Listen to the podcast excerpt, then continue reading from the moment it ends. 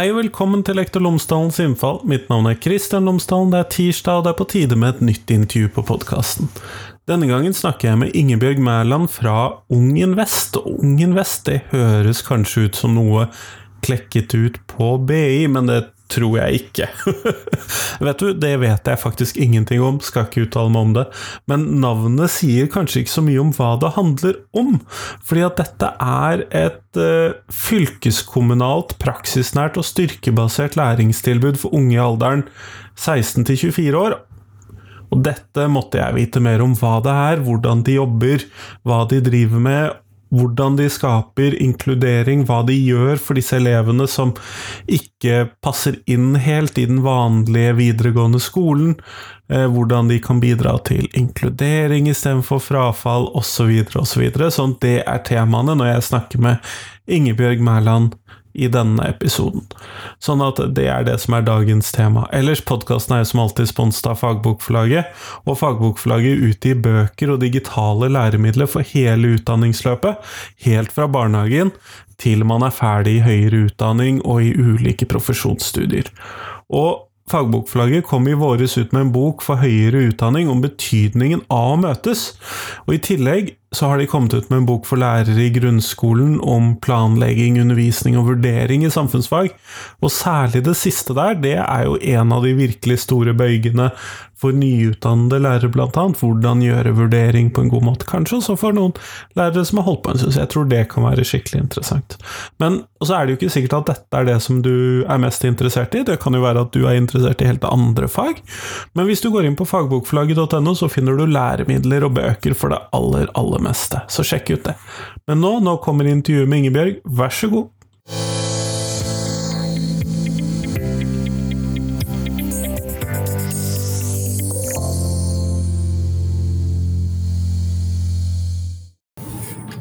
Ingebjørg Mæland, tusen takk for at du har tatt deg tid til meg i dag. Tusen takk for at du tar tid til meg. Før vi kommer sånn ordentlig i gang med intervju, så hadde jeg håpet at du kunne fortelle lytterne mine tre ting om deg selv, sånn at de kan få bli litt bedre kjent med deg. Ja. Eh, jeg er opprinnelig fra Haugesund, jeg bor i Mjøndalen og har vært leder for Ominvest Invest AIB, som er en eh, læringsarena for ungdom i videregående skole. Og det har jeg altså vært siden 1998, men stillingen har endra seg litt underveis. Men jeg har jobba med barn og unge og helt siden 1980. Ja, og sånne stillinger endrer seg jo veldig fort underveis. Men dette Ung Invest, det, du begynte å si noe om det, men kunne du fortelle hva er Ung Invest, og hva er intensjonen her? Fordi at eh. Navnet er jo litt sånn spennende og sier kanskje ikke så mye. Det er en styrkebasert og praksisnær læringsarena som er eid av eh, tidligere Buskerud fylkeskommune, nå Viken fylkeskommune. Og så blir det jo Buskerud fylkeskommune igjen fra 2024. Det er, eh, vi er et tilbud som er laga for å rekruttere og beholde ungdom i videregående opplæring.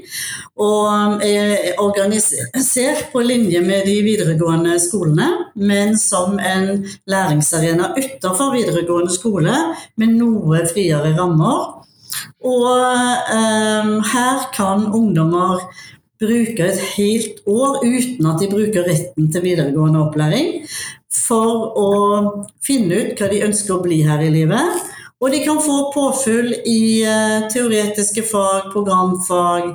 Uh, og så jobber vi veldig mye med å styrke selvtillit og få fram uh, potensialet som alle ungdommer har. Men hvis jeg forstår det riktig, så, så er dette et tiltak som er ment for å hindre frafall fra videregående skole? da? Det stemmer. Og dette tilbudet har egentlig eksistert i mange år, men vi får jo snakke om kanskje de siste eh, 20 årene, da, hvis vi tenker at Reform 94 kom, og da var liksom hensikten at alle skulle gjennomføre videregående opplæring. Og da var det behov for et tiltak som lå kanskje utenfor skolen, som kunne bidra til det. Og så har vi, hvis vi begynner å snakke om fra 2005, da, så har vi utvikla en måte å jobbe på som gjør at vi får kjempegode resultater med de ungdommene som i utgangspunktet kanskje ikke tenkte at de hadde lyst til å gå i videregående opplæring.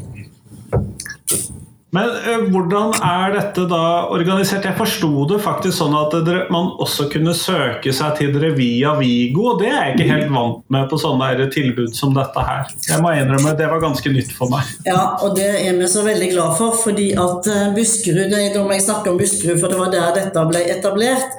Jeg tror vi har nok laga Norges mest fleksible læringsløp. Og det er, er, jo, er de jo veldig opptatt av regjeringa med fullføringsreformen.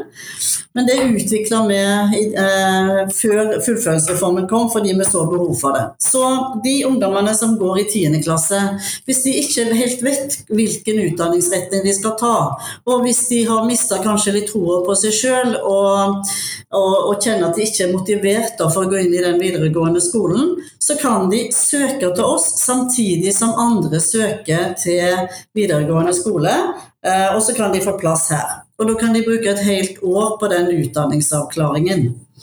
Og så har vi praktiske verksteder, så vi har både mekanisk verksted og vi har snekkerverksted, eh, restaurant, eh, restaurant og matfag som, som driver kantina vår. Så vi har forskjellige av de utdanningsretningene her. Og er du kursdeltaker, så kan du prøve deg på forskjellige av de. Og hvis du har lyst til å prøve det som frisør eller på bensinstasjon, så jobber vi òg sånn at folk kan være ute i praksis, og så følger vi opp. Eh, og I tillegg så har vi pedagogisk verksted, hvor en da kan få påfyll i mer sånne teoretiske fag. da, Norsk, engelsk og andre fag, og historie og samfunnsfag. Ja, fordi De må jo veldig ofte ha fellesfag hvis de først skal prøve seg på ordinær yrkesfaglig utdanning etterpå? Ja, og så er det en del som har mista helt troa på at de kan lære noe som helst. Og så ser vi at det, gjennom å være på praktiske verksteder, så må du faktisk jobbe med en del teori. F.eks. matematikk og norsk, og ikke minst engelsk, altså for mye bruksanvisninger og sånn som er på, på, det. Og engelsk er ikke største utfordringen for ungdommer nå til dags, fordi at eh, mange av de eh, gamer jo, de lærer jo utrolig mye engelsk gjennom eh, IT, så det er jo kjempeflott. Og så begynner vi gjerne der, og er lærerne våre superflinke til å se etter hvor er det de har interessene sine. Og så tar de utgangspunkt i interessene til hver enkelt ungdom, og så bygger vi på ut ifra hva de er opptatt av. For Det er mer gøy med norsk f.eks. hvis du kan lese om noe du liker, eller du kan skrive en historie om noe du har lykkes med. Eh, så her bruker vi alle tilnærminger vi kan for at ungdommer skal oppleve mestring og få økt tro på seg sjøl igjen. Og så ser jo vi at det er helt utrolig mye ressurser de ungdommene har når de møtes og er ønska, og vi kan være tett på. Og så tror jeg kanskje ikke jeg sa at i Buskerud så har vi fem avdelinger. Så vi har altså det vi kaller for Ungen Vest-avdelinger, både i Kongsberg, i Hønefoss, Modum, oppe i Hallingdal og i Drammen. Ja, for jeg hadde trodd at dette bare var ett sted, sånn mm. at uh, det var jo veldig godt at du sa. Ja. Det er jo et stykke mellom Geilo og Drammen. Ja, mellom Gola og Drammen er det en del miler. 15-16 mil. Men vi er organisert som én virksomhet, og så er jeg leder for de, og så har vi avdelingsledere på alle de avdelingene. Og så har vi veldig mye Altså, vi har holdt på med et eh, felles kontinuerlig utviklingsarbeid. Eh, basert på styrkebaserte strategier, som vi kaller det. Det høres kanskje rart ut, altså, men vi kaller det for det. Um, og det utviklingsarbeidet har gjort at vi har bygd en felles kultur. Og det er jeg opptatt av. Vi må skape en felles ønska kultur som gjør at alle de ungdommene som kommer til oss, de skal føle seg skikkelig velkomne og verdsatt, og, og skjønne at vi er likeverdige læringskollegaer. De er unge læringskollegaer, og vi er eldre læringskollegaer. Og så har faktisk også med eldre læringskollegaer ganske mye å lære av de unge. Fordi at eh, Jeg ser på deg, for du relativt ung du òg. Dere sitter på en del kunnskap og erfaringer som jeg tenker er viktig for oss som er eldre, og vi er motsatt. Men de ungdommene som går her, skal inn i en helt annen tid enn den som ligger bak meg og, og flere av de som jobber her. Så det vi er opptatt av, er jo at de skal lære seg ferdigheter som er tilpassa nåtiden og framtidens eh, arbeidsliv. Da. Men hvor mange elever er det du har til, på enhver tid? I løpet av et år så har vi mellom 230 til 250 ungdommer inne i uh, Ungen Vest. Til sammen på de fem avdelingene. så har vi en fantastisk ordning i tillegg, skjønner du. Og den er sånn at eh, de får som sagt, de ungdommene som har behov for det, de kan søke seg inn her. De kan komme i løpet av året òg med kontinuerlig inntak. Så hvis, du, så hvis du slutter i skolen, så skal vi kunne ta imot den ungdommen i løpet av to dager. Og så kan de da være her resten av året. Så vi har inntak hele året. Det kan komme ungdommer til oss i januar, februar, mars òg. Men så er det noen av de ungdommene som går hos oss eh, og har hatt det ekstra året, da, som er det vi kaller kursdeltakerår. De føler seg fortsatt ikke klar til å gå inn i, eh, i ordinær videregående skole. Men vi prøver jo å motivere for det og følge tett opp, for det er ganske mange som går inn i videregående skole òg. Men hvis det er da noen som kjenner at det blir for tøft, Ofte er det det sosiale i tilfelle som blir for tøft. Det er for stort, det er for vanskelig å bli sett. Um, og de opplever at den måten de lærer på her er bedre. Så lager vi altså et opplegg i samarbeid med skolen, foreldre og ungdommen sjøl, og har PP-tjenesten inne, sånn at vi har sikra en sånn sakkyndig dokumentasjon, som det heter. Og så kan de altså ta hele eller deler av videregående opplæring i samarbeid med oss og skolen. Og noen ganger da så er det òg sånn at um, det er noen av oss som lærer bedre når vi er ute i praksis. Og Da kan vi samarbeide med bedrifter, og så knytter vi det til læringsmål. Og det her, vet du, til sammen, det gjør at vi har Norges mest fleksible læringsløp. Så vi ønsker egentlig, og ungdommene som går her opp, vi ønsker at alle de ungdommene som har behov for sånne tilbud som det her, i hele landet skal få det tilbudet. Jeg både ser og hører at du er ganske stolt over det. Ja, det, det er kjempemorsomt å jobbe så tett med de ungdommene som vi gjør her. Men du snakket om styrkebasert læring, og da må jeg jo nesten spørre om hva det er, selv om jeg da ut ifra navnet der får jeg en ganske mye større mistanke om hva det dreier seg om. Mm. I den senere tid så er det flere um, forskere, psykologer, organisasjonsutviklere eh, i hele verden egentlig, som har konsentrert seg mer og mer om å gå vekk fra å være problemfokusert til å bli løsningsfokusert. Og da var vi så heldige at vi ble kjent med en organisasjonsutviklingsstrategi som handler om anerkjennende undersøkende spørremetoder. Og Det er den som heter David Cooper som har utvikla i 1987, og så har dette blitt bygd seg på. da. Eh, og da er det sånn at I stedet for å spørre hva er det som ikke fungerer her i denne organisasjonen, for det er jo alltid ting som ikke fungerer, det er det overalt, men det er alltid noe som fungerer òg. Eh, og han fant ut, når han tok en doktorgrad, han David Cooper, at det lønner seg faktisk å spørre om hva er dere fornøyd med, hva er dere stolt over? Eh, hva er det som gjør at ting virker? Og så undersøker vi og identifiserer det som gjør at det virker. Og, det gjør vi i parvise samtaler.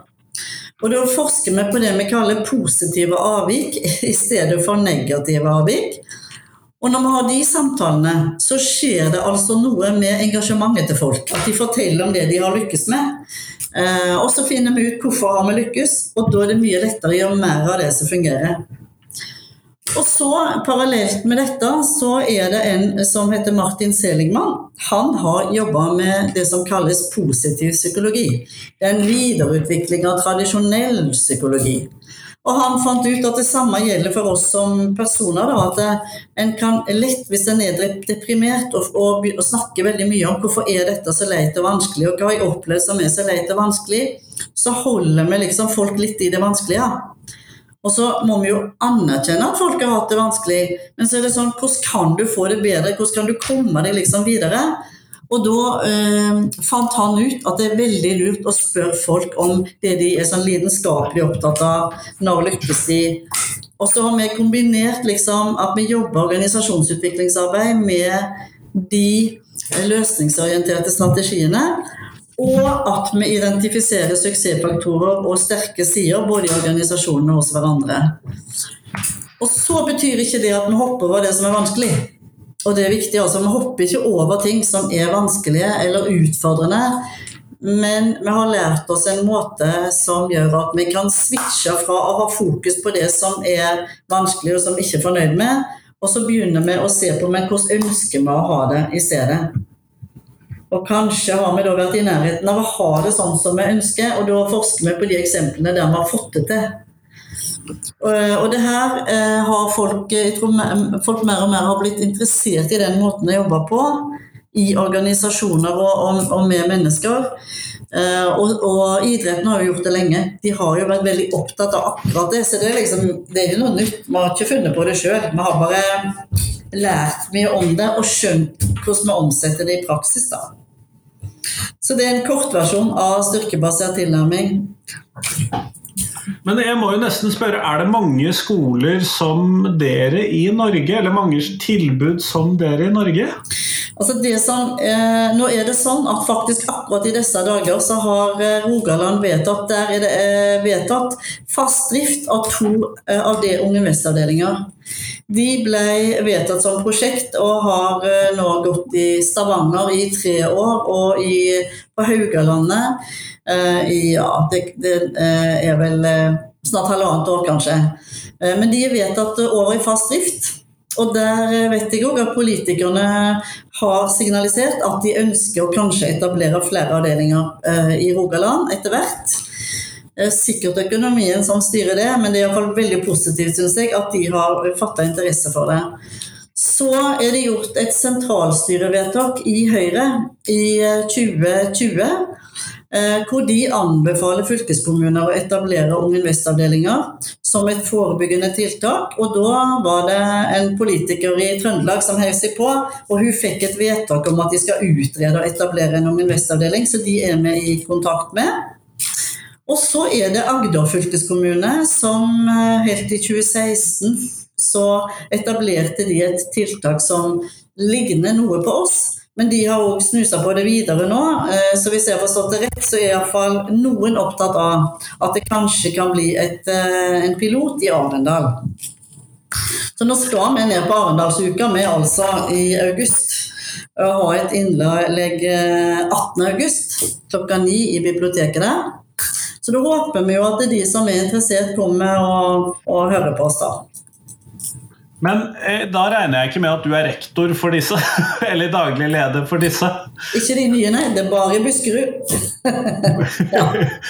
For det hørtes litt travelt ut om du også skulle ha ansvar for dette som skjedde i Rogaland f.eks., som da holdt på en stund? Men det vi har, er at vi har en sånn samarbeidsavtale med dem, fordi eh, vi har eh, fordi vi har jobba på denne måten så lenge, så har mange blitt oppmerksom på oss. og bedt oss om å komme på konferanser, og de kom på studiebesøk. Og etter hvert så utvikla vi et studium, en videreutdanning, i samarbeid med NTNU, som vi har her i Drammen.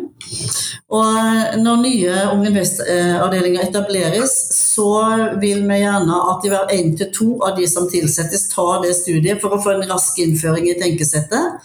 Og for at vi kan være med å sikre eh, samme type kultur, da. Så vi har òg lagt inn at vi skal ha veiledning et par ganger i halvåret og, og ha tett kontakt.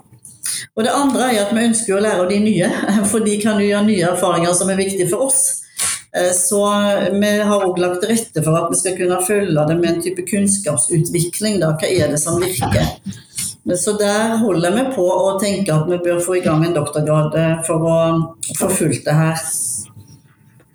Det høres jo eh, Jeg ville jo tro at den i så fall havner på Universitetet i Sørøst-Norge. Men det høres jo ut som et veldig spennende eller på NTNU, veldig spennende arbeid å kunne følge fremover. fordi at hvis man ønsker å gjøre noe med disse frafallene som man ser, så jeg klarer ikke å se bort ifra at eh, man da må lære noe av dere ut ifra hva du forteller. Altså, vi har hatt, en, vi har hatt eh, ganske mye undersøkelser hos oss. Selv gjennomfører vi ettårsundersøkelser hvert år i eh, november. Altså de som slutter i juni, de har vi kontakt med i, vi har oftere kontakt med. Vi gjør en etterundersøkelse i november for å høre hvor er de nå. Og det er for at tallene våre skal være eh, mer sikre, for det kan jo være noen som har begynt i videregående som ramler ut igjen. Men eh, de ettårsundersøkelsene har vi hatt i mange, mange, mange år. Og da viser det at over 90% er positiv aktivitet året etter at de har vært hos oss. Og de siste årene så har det vært sånn 86-87% er enten i utdanning eller i jobb, og over 70% Jeg tror eh, i 2020 så var 77% i utdanning. Eh, og det betyr at vi har knallgode tall. Og så har vi etterundersøkelser i, eh, etter tre år og fem år. Og på bakgrunn av alle de tallene så har vi vært så heldige at Det Norske Veritas DNV de har gjort samfunnsnytteundersøkelse både i 2013 og 2017. Og de eh, fant gjennom eh, dette ut at for hver krone samfunnet investerer i Ung Invest, så får samfunnet fire kroner tilbake. Og det er egentlig helt formidabel eh, innsats. Så sånn, Jeg fikk bare lite besøk, så jeg måtte inn men, uh, på kontoret akkurat nå. Men uh, så, så, vi har dokumentasjon, og så er det gjort kvalitative studier i seks masteroppgaver. Og alt dette i tillegg til en undersøkelse Viken gjorde knytta til korona og elevenes opp, opplevelse av hvordan var det i den nedstengingsperioden våren 2020. Der kommer veldig godt ut i Viken, faktisk, blant de aller, aller beste. Og eh, så har vi en medarbeiderundersøkelse som viser liksom høy trivsel og støtte. Eh, den kommer godt ut av. Så da eh, spurte jeg NTNU om de kunne se litt samla på alt det vi har, og konklusjonen er jo at, at det er uhyre interessant. Fordi det har vært undersøkelser av lignende tiltak som viser at effekten kanskje ikke er så stor. Så jeg opplever at vi har haugevis av dokumentasjon på at det virker, og venter nå på at Tonje Brenna skal ta kontakt for å få hjelp til en nasjonal satsing. Eh, for det, det, det, det trengs. Så hvis jeg bare kan si litt mer om det, så er det sånn at det som har skjedd i Norge de siste årene, er at det stadig er satsingstiltak på de ungdommene som hamler ut av videregående skole. Og for hver gang det kommer sånn satsingstiltak, så setter da fylkeskommunen, ofte i samarbeid med Nav og kommunen, i gang tiltak for å gi den, den målgruppa et tilbud. Og det blir ganske tilfeldig, det. For det kommer an på hva er satsingen nå. Og så, etter tre år, så avsluttes de prosjektene. Og jeg mener at den målgruppa som jeg har, som er ungdommer som Noen av de har kanskje bare altså vet ikke helt hvilken utdanning de skal ta, men en del av de har jo store tapsopplevelser fra tida i skole, eller opplevd andre ting i livet som er alvorlige. De skal vi ikke tulle med. Altså, De ungdommene skal ha kvalitet. Og da krever det at vi jobber systematisk med kvalitetsutvikling. Og det kan bare skje når du bygger stein på stein på stein og får med deg hele medarbeidergruppa Det vi tidligere har funnet ut, at vi må jo ha med oss de reelle. For de sitter jo på superviktig kompetanse. Så de, de har vi involvert i vårt utviklingsarbeid. Og så har vi tatt vekk begrepene elev-lærer. Vi kaller hverandre unge og eldre læringskollegaer. Ja, det brukte du i stad, det la jeg merke til. Ja. Og Det er fordi Men, vi tror på den likeverdigheten og vet at det, eh, det, vi må møte de likeverdig og, og ta de på alvor. Og jeg, jeg, opplever bare at vi har ungdommer som har lyst til å være med og ta ansvar. Og jo mer ansvar og jo mer vi involverer de, jo, jo i større grad kjenner jo de på mestring òg, og at de trives. Så vi har én ting. Vi har ikke lærerværelse. Vi har alle pauser sammen. Ja, nettopp. Men med 200, ok, de 230 elevene er vel kanskje ikke der alltid til samme tid, og er noen, de er jo på fem forskjellige steder og sånn, men det høres ut som en ganske travle pauser, da. Ja, men Det er ikke travle pauser, for de vil jo ha pauser. Men det er bare at vi har ei kantine, og, og, der sitter vi sammen. Og er sammen med de akkurat som vi er sammen med hverandre. Eh, og det, er, en, det jeg tror er at det gjør det trygt for de ungdommene mange av de har nok opplevd i store skoler at de blir veldig ensomme. Uh, utrygt, de blir mobba. Det er ikke nok voksne som er der og skaper den tryggheten. For det er faktisk når vi spør dem hva syns de er det beste med å gå i uh, Ungen Vest, da. Det er mange ting. Men uh, det som ofte kommer først, er vi har pauser sammen, vi spiser sammen i lunsjen. Og der får de jo øvd på sosiale ferdigheter, da.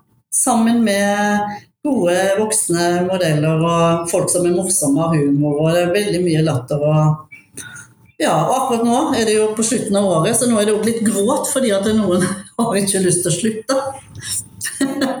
ja, det er jo selvfølgelig en problemstilling hvis eh, tilbudet blir for bra. jeg tror ikke tilbud kan bli for bra. Jeg tror bare vi må ta med at uh, vi skal holde kontakt òg uh, når de har slutta her. Og det har vi jo mye kontakt med ungdommer som har gått her før. Men hvis du skulle gi noen tips til uh, skole eller kommuner og fylke, eller fylkeskommuner, da er det jo gjerne. Eh, hvordan bør de gå fram hvis de skal starte opp et tilbud som ligner på det som du har? Da må de ta kontakt med oss, og så de, kan de komme på besøk, eller vi kommer til de, og så kan vi legge en plan sammen for hva som er lurt å gjøre. Mm, og det var i grunnen det som skjedde i Stavanger, eh, altså i Rogaland òg, at vi var der noen ganger og snakket med de som sitter i fylkesutdanningsadministrasjonen. Og så ble vi invitert på en konferanse mm, og hadde ungdommer med. og Vi hadde 20 minutter, men, eh, men når det var ungdommer med som forteller hva det her betyr og, og, og hvordan jobber med, eh, så øker selvsagt troverdigheten. Og da var det veldig sånn her, du, vi må bare ta copy-paste av det som foregår i Buskerud. Hvorfor skal vi finne opp noe nytt? Og så begynte de å jobbe med det. Um, og så er det òg skoler som har vært veldig opptatt av å samarbeide med oss. Så Nordahl Grieg er jo en av de skolene vi faktisk har hatt et, et tett og morsomt samarbeid med gjennom flere år. Uh, og det samme gjelder Åkrahamn videregående og, og, en del andre skoler rundt omkring i landet. da. Så det er vi veldig glad for. Bare for å tilfeldig velge to på Vestlandet? Jeg måtte bare si det siden det var liksom eh, på Vestlandet nå. det høres bra ut. Men du, vi går mot slutten av den tiden vi har disponibelt her i dag. Og da skal jeg stille deg det spørsmålet som jeg stiller til alle jeg intervjuer. Og hva er de tre viktigste tingene som skolen lærer elevene? De tre viktigste tingene skolen, skolen skal lære elevene, ja. Altså jeg tror eh, Noe av det viktigste er at skolen tror jeg er en av de eh, viktigste i forhold til å jobbe for fred. Så det viktigste er at vi lærer å være sammen og har ansvar for hverandre. At det er et godt relasjonelt klima, sånn at alle lærer mye om det. Eh, det er en viktig ting. Så er det viktig for de som er unge nå, å få øvd seg på eh, samarbeid på tvers av eh, fag. Å tenke nytt sammen, og være liksom åpne og undrende. Eh, så det er òg en veldig viktig eh, eh, faktor som de må ha med seg. Og ikke minst det å klare å tenke hvis vi tenker annerledes om de tingene vi har tatt for gitt veldig lenge.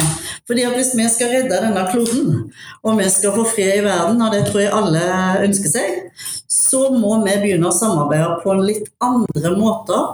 Og eh, jeg tror at vi må begynne å kanskje utforme hele offentlig sektor på en eh, annen måte enn sånn som det har vært nå, eh, med veldig sånn silobasert eh, og system.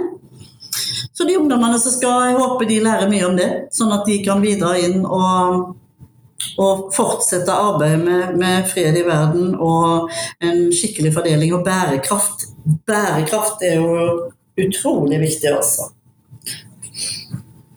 Kjempeflott, Ingebjørg. Tusen takk for at du tok deg tid til meg i dag. Tusen takk skal du ha for at du har hatt så tålmodighet for å få dette til. det skulle bare mangle. Tusen hei, hei. takk. Og så får jeg vel si heia Brann, men jeg holder egentlig med FKH. Det vet jeg ikke. Jo, det er Haugesund, det, selvfølgelig. Men uh, hold heller med Haugesund. ja, gjør det.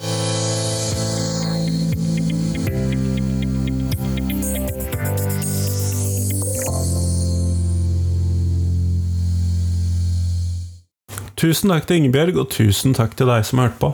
Nå er det en uke igjen til neste intervju, og vi er da passert ut av høstferiene for oss alle, tror jeg. Jeg tror ikke det er noen som har uke 42, men der kan jeg ta feil. Send meg gjerne en e-post eller tweet hvis jeg tar feil om det, fordi at eh, det er gøy å vite. Det er mye som er gøy å vite, og jeg vet ikke om alt jeg ikke vet at jeg trenger å vite noe mer om. Det er jo den grunnleggende fortellingen her i livet, og som vi oppdager jo mer vi vet, at det er veldig mye mer vi ikke vet. Men send meg tips, sånn at jeg kan vite mer om alle de tingene jeg ikke vet at jeg trengt burde vite mer om i norsk skole. Dette var en veldig kronglete måte å si jeg trenger tips til nye episoder, fordi at jeg skal jo fylle flere år med nye episoder, og det gleder jeg meg til, men det er jo også litt krevende. Sånn at eh, send meg tips, jeg setter pris på det. Ha en fin uke og helg etter hvert. Hei, hei.